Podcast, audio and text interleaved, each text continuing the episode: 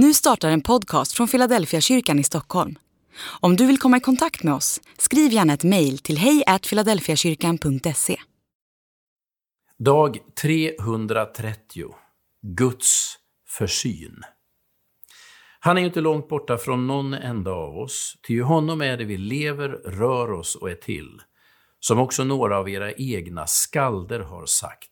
Vi har vårt ursprung i honom. Apostlagärningarna kapitel 17, vers 27 och vers 28. Gud är verksam i allt, överallt. Det är därför jag brukar tänka mig Guds försyn som en horisontell linje. Guds försyn är som strået som hela verkligheten liksom är uppträdd på. Det är i honom vi lever, rör oss och är till. Man kan nästan inte uttrycka det mer kategoriskt än så. Vad finns utanför Guds försyn? Ingenting.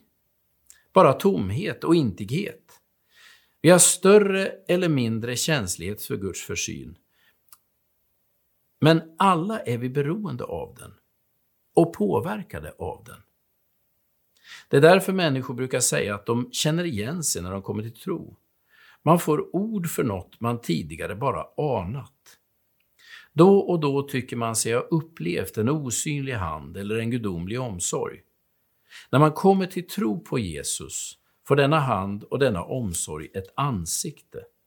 Men innan Jesus förblir det en aning eller en andlig förnimmelse. Det är denna aning som gör att människor ibland ber. Det finns inget unikt kristet i just bönen. Bön har människor ägnat sig åt i alla religioner och även utan religion. Det är just denna bön till en okänd Gud som är Pauli utgångspunkt i hans tal på Areopagen. Han vet att de flesta människor någon gång i livet har bett en uppriktig bön till en Gud de inte säkert vet finns.